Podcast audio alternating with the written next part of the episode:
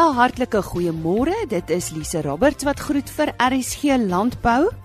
Op vandag se program, ons gesels hoofsaaklik met die Suid-Afrikaanse Graanlaboratorium oor ons sorgembedryf in Suid-Afrika. Ons vind meer uit oor die Plaaslandbou Jeugstigting en dan praat Henny Maas ook uh, met 'n persoon oor die opleiding van personeel teen renosterstroping. Ons sluit nou aan by Henny Maas. Ons uh, gesels nou met Frans Skutte en ons gaan met hom praat oor die Buffalo Cup Invitational veiling van die Cottondale Game Ranches. Wanneer vind jy die veiling plaas Frans? Môre, Henny, dit gebeur die 12de Julie uh om 2:30 die middag dis by Millvale Koster. En en ek wil net daarop jou aanvul, ehm um, ons as Cottondale Game Ranch bied dit aan saam met Morningside Game Breeders. Dan Sangoma Safaris, uh Piede Tooi Wildbedryf het 'n paar lotte vir ons daarop en Kwaggafontein Safaris. So ons is 4 5 lede wat dit aanbied. Ehm um, dis dan nou Vrydag die 12de Julie 2:30 die middag by Milwil in Koster. Uh so wat is die aanbod? Weet jy uh ek moet dit vir jou sê, ek in 2013 was ek aangewys as wildboer van die jaar vir biodiversiteit. En op daai stadium het ek gesê dat ons kan nie net die teel doen nie, ons moet die jagbedryf moet deel wees, die gasvryheidbedryf asook vleisverwerking. Maar hoewel die vleisverwerking nou die protokol nog hier en daar uitstaande is, is die jagdeel van die mark op hierdie stadium baie sterk en ondersteun hulle ons uitstekend. So daar's heelwat lotte, uh jagbulle op, buffelbulle, swart pensbulle, roundbulle. Ons het selfs so ver gegaan as om vir FASA uh die professionele jagtersvereniging Suid-Afrika 'n lot te skenk wat hulle dan gebruik in hulle navorsingsprojekte veral met betrekking tot die luiper projek of soos hulle dit noem hulle kat projekte. So ja, daar is definitief pragtige uh vroulike diere ook op. Buffelkoeie, uh rounkoeie, swartwit pense, uh nyalas, uh pragtige elandkoei wat van Piet af kom met 15 strepe. Ehm um, En dan natuurlik het ons ook vir die gasvryheidbedryf het ons 'n paar naweke wat ons daar aanbied. So dis 'n pragtige versameling van so bykans 70 uh, lotte op die uh lewendige veiling en dan op die die, die tydveiling op die timed auction het ons ook so 40 baie interessante lotte. Ja, die die wildbedryf het effe afgeplat. Hoe het julle geraak?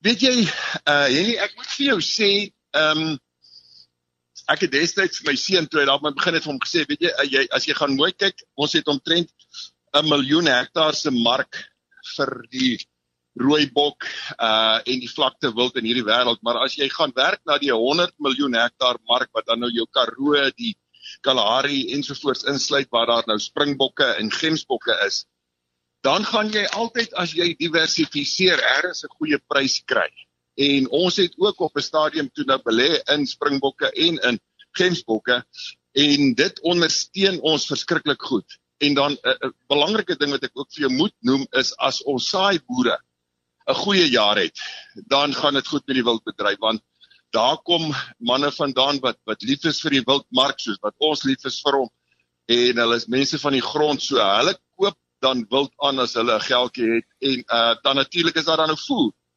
So ons het gelukkig deur 'n goeie uh, reenseisoen gegaan. Daar's plekke wat droog was, maar daar's ander plekke wat wonderlike reën gehad het en selfs laat reën gehad het.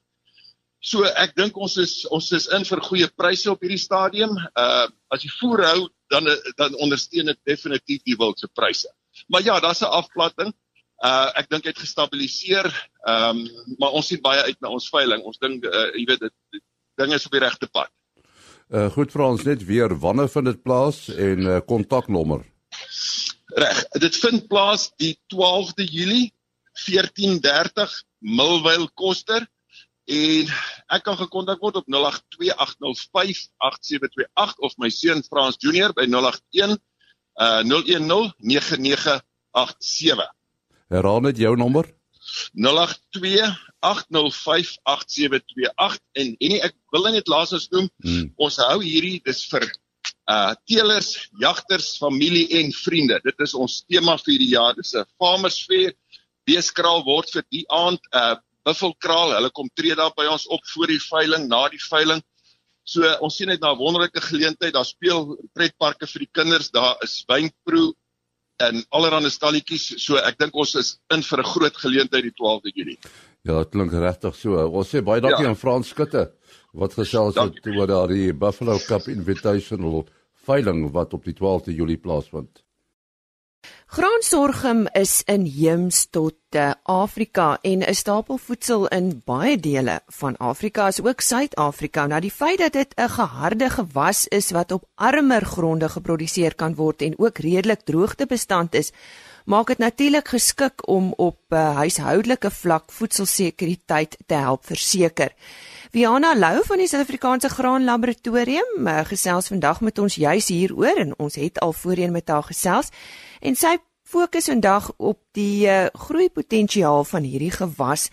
Viana, ja, goeiemôre. Gee eers vir ons 'n bietjie agtergrond oor graansorgum.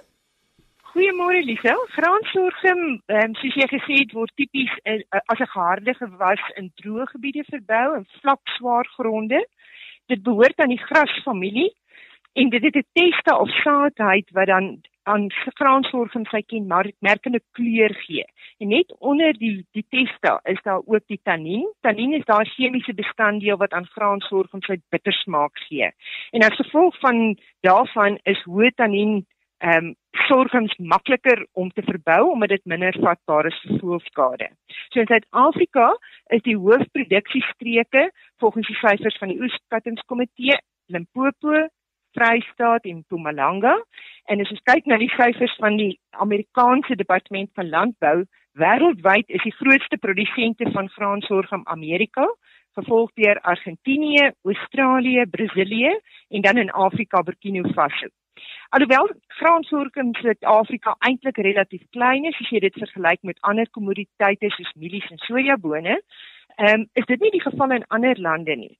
En dit was baie interessant in April 2017 het ons vir die eerste keer 'n internasionale graansorgum konferensie in 30 jaar in Suid-Afrika aangebied. En dit was vir ons goed om te sien hoe groot graan uh, sorgumproduksie in die res van van die wêreld is maar ook die gebruike daarvan. So dit gee mense weer hoop vir die potensiaal vir graansorgum in Suid-Afrika ook. Ja, nee natuurlik. Uh Viana, waarvoor word uh, sorghum hoofsaaklik gebruik? Die gebruike vir sorghum sluit in vermouting vir die brouersindustrie en dan vermaling vir meel, rys en gruis en dan ook 'n klein gedeelte vir dierevoer. As mense in die Suid-Afrikaanse graan inligtingdienste inligting kyk, dan is die verhouding tussen vermouting en vermaling oor die laaste klompie jare heelwat verander. Die fokus het geskuif van hoofsaaklik vermoutingkultivars na kultivars wat meer geskik is vir vermaling. Tussen Maart 2018 en Februarie 2019 is daar omtrent 144 000 ton sorghum verwerk. Daarvan was net 36% vir vermouting en 57% is verwerk as meel, rys en grys en dan die oorblywende 7% is deur die dierevoerindustrie gebruik. En hoe het dit die afgelope paar jaar gegroei, Viana? Dit het ongelukkig nie gegroei nie. Ehm um, dit het eerder afgeneem. As jy mens kyk na hier in die vroeë 1990s, as jy 'n 5 jaar gemiddeld daarvat, dan het ons omtrent so 270 000 ton geproduseer per jaar, terwyl ons nou hier in die orde van 160 000 ton is en 'n 5 jaar gemiddeld vir die laaste 5 produksieseisoene is omtrent 125 000 ton. En dieselfde tendens sien 'n mens in terme van die gebruik ook. Hoekom is daar so baie potensiaal vir die gewas in Suid-Afrika? Ek dink dit is nie net in Suid-Afrika nie, ek dink wêreldwyd is dit as 'n voedselproduk het dit baie gesondheidsvoordele. Een van die belangrikste eienskappe is waarskynlik die feit dat dit glutenvry is. En daar is baie besliste gaping in die mark dan vir glutenvrye produkte wat dan gevul kan word hiermee. En dit word beskou as 'n antieke graan en uh, die rede hoe of die definisie daarvan is dat dit baie min verander het oor 'n klompie jare. In Engels verwys hulle na ancient grains en daar's nogal wêreldwyd 'n neiging terug na hierdie antieke grane toe. Die gesondheidsvoordele waaroor baie navorsing gepubliseer is, is die feit dat dit 'n lae glisemiese indeks het, so dit verteer stadig en dit help jou spysverteringskanaal en dan ook dis daar bewyse dat dit kardiovaskulêre gesondheid bevorder. So tans is daar in die in die voedselvervaardigingsbedryf nogal heelwat ehm um, navorsingswerk aan die gang om produkte te ontwikkel vir spesifieke nismarke. Dit was Anviana Lou van die Suid-Afrikaanse Graan Laboratorium. Ons gesels bietjie later verder met haar en eh, sy praat dan oor hoe hulle sorgum evalueer vir verwerkingstoepassings. Ons uh, gesels vanoggend met uh, Sydney Zeeman. Nou, jy weet uh, in RC Landbou uh, praat ons dikwels oor renosters en uh, uh, renoster stropery. Ons het ons het so ruk gelede met 'n uh, eh, Bonnie de Bot gepraat wat hierdie uh, film gemaak het oor uh, renoster stropery. Uh Sydney is uh, baie betrokke by die opleiding van mense wat uh, hulle kan gebruik teen renoster stropery. Die probleem van renoster stropery is dit nie het dit erger geword? Hallo Henny, ja, ek dink die meeste mense daar buitekant weet miskien nie hoe ernstig 'n ek noem dit nou maar 'n oorlog ons by betrokke is nie. Uh jy weet dit gaan oor die oor die behoud van ons ons uh natuurlewe erfenis. Ek dink uh, die nasionale parke het tot 'n groot mate uh, baie inisiatiewe aan die dag gelê wat suksesvol is. En uh daar's mense ons kan van hulle name noem maar wat regtig baie baie positiewe uh projekte ingevoer het om om die stropery en die probleem van stropery uh teen te staan. Dit is nog steeds daar. Eh die, die stroopers raak meer, maar relatief tot die getalle is die insidente minder. So daarom is dit in die in die nasionale parke dink ek tans kan jy praat van 'n relatiewe suksessyfer. Dit is nog nie suksesvol nie, maar is relatief. Hmm. En dit het nou meegebring dat baie van hierdie pogings om die laaste van die beraamde 17000 byvoorbeeld witernosters in die land 40% van hulle loop op privaat plase uh die poging skuif nou oor na die privaat uh, plase toe. Die, so die strooppoging raak nou baie intens by ons privaat boere. En dan is die vraag natuurlik uh, die die probleme is al 'n hele klomp jare aan die gang. Hoe gaan 'n mens te werk om daarom 'n uh, duik te maak aan hierdie ouens se poging? Ja, sy eenvoudige antwoord was dink ek het ons hom nou al sekerlik uitgevoer gehad. Daar's baie mooi en uh, slim ouens wat besig is om om hierdie ding daaglikse basis hulle koppe oor te breek. Daar's drie vlakke. Jy jy jy praat van die die vlak daarbo, die die mense wat jy nie sien nie, die syndikaat leiers, die ouens wat sit in die Vietkongs en die Lagosse ensovoorts. Dan het jy jou middelman en dan jy die ou op die grond as jy kan vereenvoudig. Hmm. Uh, Uh ek dink daar's 'n gevoel tans dat as ons hier op in byvoorbeeld in Suid-Afrika fokus op die middelman, haal hom uit, dan breek jy die ketting, want dit gaan daaroor om die ketting te breek. Uh dit gee ons ekstra tyd om asem te haal dat ons kan besluit hoe ons hierdie ding op die hoë vlak gaan aanspreek. Want dis waar die die regerings in die lande moet saamkom om te besluit. Uh, moet ons iets soos 'n renosterhoring wettiglik op die mark plaas of nie? Het en dis 'n debat wat ek en jy nie nou moet voer nie want daar is daar is soveel voor, voorstanders en teenstanders en elkeen het sy eie het sy eie emosionele of wetenskaplike gefundeerde redes. Maar op grondvlak dink ek is ons probleem, dit is waar jy die die intensiteit van so 'n aanslag sien. Dis waar 'n bloeiende dier daar lê of 'n klein kalfie weghardloop of by die ma bly. En dis waar dit mense aan die hart vat en ek dink dit is waar ons ook maar in, in op die taktiese vlakke verskil kan maak. Moeilik, Uh dit gaan oor die beveiliging. Jy moet 'n uh, beveiligingsstelsel op jou plaas net soos by jou huis op 'n plaas moet jy die die die beveiligingsnetwerk om jou diere ook kan kan uitplaas. Maar dit kos geld en en en die geld raak buite verhouding hoog relatief tot die dier se waarde. En ek dink dit is wat op die oomblik die probleem vir baie renosterboere het. Die dier op die been is so 200 en sê maar 80 000 rand as dit 'n as dit 'n koei is wat daar loop maar die horing van 2 of 3 kg is hier by 2 of 3 miljoen rand. Mm -hmm. Uh en om die dier te effektief te beskerm uh en 'n en 'n insetkoste van 27000 'n maand te moet betaal op 'n dier. Uh dit raak 'n baie duur storie as jy nie iets kry nie en dit is maar al bewys oor en oor 'n ekonomiese motief maak seker dat enige ding gaan aanhou ook in die wild, ook uh, met ons ons ons uh, skaars wildsoorte. As daar 'n ekonomiese motief is vir 'n vir 'n boer om 'n dier aan te hou, dan gaan hy natuurlik natuurlik baie sorg mee tref. So wat ons nou probeer doen by die maatskappy waar ek betrokke is, Gamewise, is dat ons mense oplei, gespesialiseerde opleiding gee sodat hulle in die, in die op die plase aangewend kan word deur boere wat graag wil hê dat hulle in hulle omgewing oorverte maar ook oorverte. Aan die ander woorde duidelik sigbare patrollering moet kan doen om die diere te beskerm. Uh daar is baie goeie metodes hoe ons oor tydperk hierdie ding suksesvol kan uitrol. Uh, op die kort termyn natuurlik gaan dit oor die befondsing van hierdie hele projek want die boere kan nie al hierdie die, die, die uh, privaat sekuriteitsmaatskappye bekostig nie. Ons sal moet finansiering kry van vanuit ander oorde. En al hoe ons dit gaan kry as as die wêreld die renosters nie sien as behoordende aan die privaat boer nie, dit ons ons almal sin. Dit dit is almal se laaste een van die 17000 wat daar loop en uh, hy loop net toevallig op daai op daai eienaar se plaas. Ons moet almal probeer om 'n aandeel te hê om sy voortbestaan te verseker. Maar maar, maar hoe sal mense nou fondse kry? Ek dink dat uh, ons moet versigtig wees. Ons almal is maar deesdae daar is baie mense wat veral op 'n emosionele uh storielyn baie maklik mense kan sag maak en dan op 'n kom ons noem dit nou maar op 'n minder etiese manier geld in die hande kry wat dan ook nie vir die doel eintlik aangewend word nie. So baie mense het nou al ligte geraak om om afstand te doen van hulle fondse. Ek dink in die eerste plek moet ons kyk waar kan ons 'n verskil maak? Dit sien net oor die geld en dit gaan ook op ander maniere van hoe jy dit kan kan steun gee of dit nou uit 'n regsoogpunt is uh, of 'n uh of befondsings op 'n borgskapsoogpunt vir jong studente wat graag kursusse wil doen. Um ons probeer uh koöperatief kyk om uh fondse te bekom uh, internasionaal, ook nasionaal. En dat waar mense enigstens kan, wil moet hulle 'n bydrae vra ons hulle om 'n bydrae te maak. Die bydrae wat ons na kyk by Gameways, die maatskappy waarby ons betrokke is, uh is tweeledig.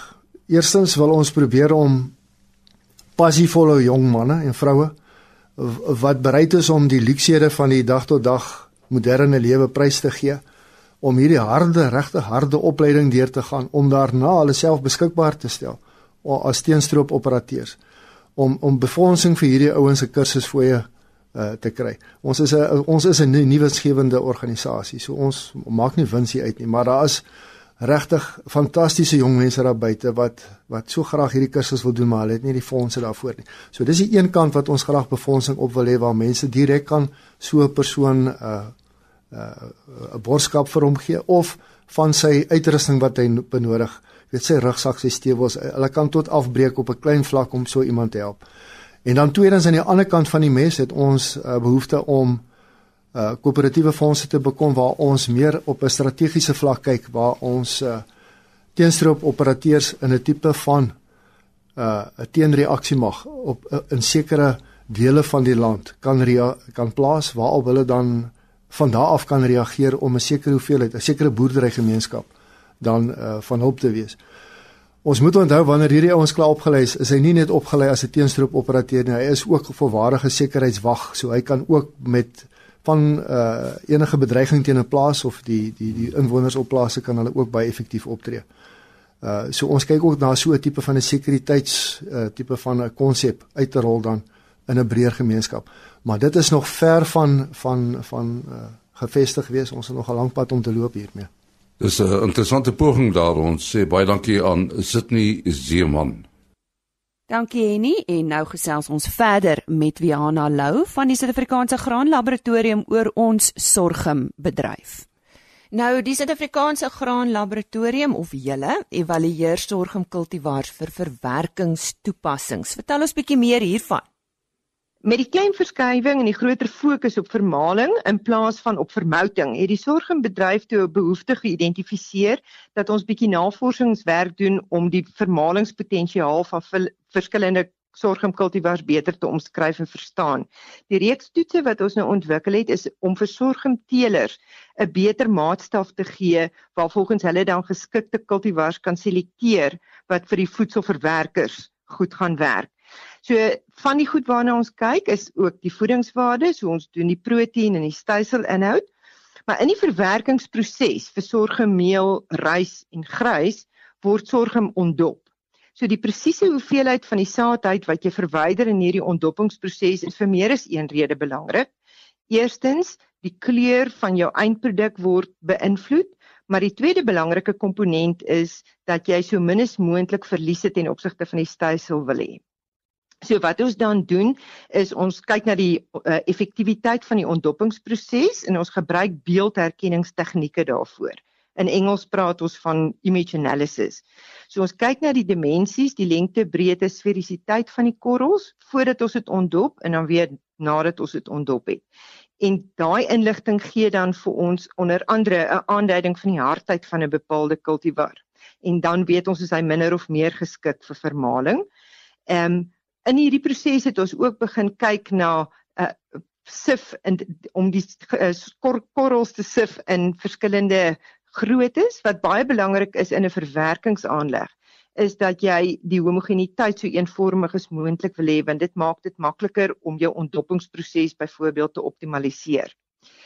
Nou omdat hoe uh, eh, tannin sorghum teoreties makliker is om te verbou omdat dit minder vatbaar is vir voelskade, het ons ook begin kyk na die moontlikheid om van die tannin ontslae te raak gedurende die verwerkingsproses.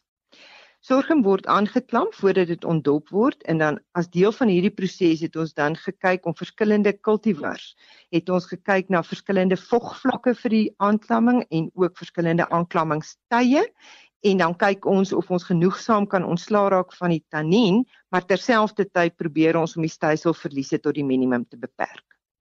Hoe op datum is die Suid-Afrikaanse bedryf in terme van nuwe kultivars? Alhoewel daar nie eintlik 'n groot fokus is op graansorgumteeling in Suid-Afrika nie, doen die saadmaatskappye regtig moeite om sorgumkultivars wat elders in die wêreld suksesvol geproduseer word, Suid-Afrika toe te bring en dan kultivar toetse hier te doen om te kyk watter pas die beste aan by ons omstandighede, omgewingsomstandighede sodat ons nog steeds vir die produsente kan hulle nog steeds saad beskikbaar maak wat agronomies goed presteer. Nou jy het vroeër genoem dat ons maar klein is in vergelyking met die res van die wêreld, maar hoe lyk die gehalte van ons plaaslike geproduseerde graansorgum en hoe vergelyk uh, dit nou met ingevoerde sorgum? Nou aanleiding van die werk wat ons nou gedoen het op die kultivars, het die bedryf toe nou ook 'n behoefte geïdentifiseer dat ons oeskwaliteit opnames doen, soortgelyk aan dit wat ons doen op ander kommoditeite soos mielies, koring, sojabone en sonneblom en die Sorgum Trust befonds hierdie werk waar ons dan jaarlikse oeskwaliteit opnames doen. Uh 2017-18 seisoen was die eerste seisoen waar ons dit gedoen het en daar het ons ook na die ingevoerde sorgum sorgum gekyk in daai selfde wat in dieselfde produksieseisoen val. So addisioneel tot die werk wat ons nou doen op die soos op die sorghum kultivars, doen ons ook gradering, ons doen die voedingswaarde analises, al die vermalingstoetse, maar dan kyk ons ook na die mikotoksien ontledings. En ehm um, jaarlikse oeskwaliteit opnames op al hierdie grane en oliesade gee vir 'n mens dan 'n goeie aanduiding hoe vergelyk dit wat ons plaaslik produseer met dit wat ingevoer word en ehm um, net in terme van mikotoksine kan ons sê dat ons graansorgum geen mikotoksien vlakke eintlik opgehad het dit wat ons ontleed het verlede jaar nie. Nou Viana, wat is nodig vir die plaaslike sorgimbedryf om voldoende groei te toon in die toekoms? Daar is op die oomblik gesprekke aan die gang tussen die sorgimindustrie se rolspelers en ook die departement van wetenskap en tegnologie om die hele sorgimwaardeketting te ontleed. Want ons wil weet wat is die huidige status en hoe kan die waardeketting ketting opgegradeer word en watter stappe is dan nodig om hierdie bedryf te laat groei in die toekoms. En dit is alreeds positief dat daar sulke gesprekke aan die gang is. Viana Lou wat gesels het oor ons plaaslike sorgembedryf en sy is van die SA Graan Laboratorium. Nou die SA Graan Laboratorium is geleë in Pretoria. Dawie Marie het in Januarie by ons gekuier om ons meer te vertel oor die Plaas Landbou Jeugstigting en hoe FNB daarbey betrokke is. Nou min mense weet dat hy eintlik ook voorsitter is van hierdie stigting en ons vind vandag so 'n bietjie meer uit oor hierdie inisiatief. Dawie herinner ons net weer, hoe het die stigting tot stand gekom? Dis ja, die stigting het eintlik maar gebore deur Plaas Media. Ehm um, daar is 'n klomp organisasies wat al reeds baie dinge gedoen het um vir landbou skole of in, in spesifiek nou in die jeugafdeling.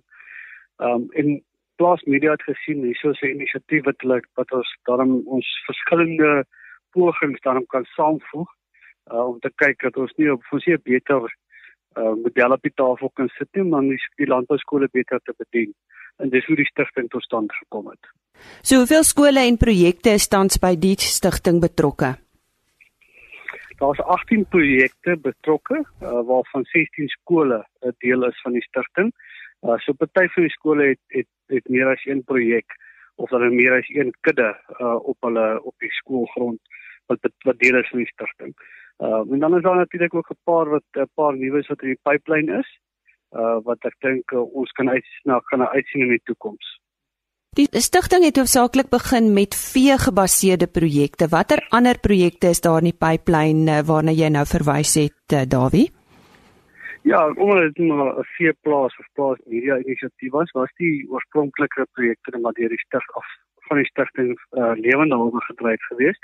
En natuurlik ook omdat die uh, verskillende bestuurders vennootskappe betrokke is, was dit net makliker geweest. Op hierdie stadium kyk ons na ander projekte Uh, en ons wil dit graag uitbrei ook bietjie na die graanbedryf toe, want al die skole het ergens 'n lappie grond wat hulle al reeds uh, verwerk en en verbou.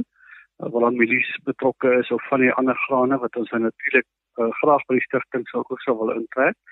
Ehm um, dan sal hopelik uh, in die binne die uh, volgende paar maande 'n konynprojek uh wat hopelik van die tafel uh, of wat op die tafel is wat van die grond af gaan kom.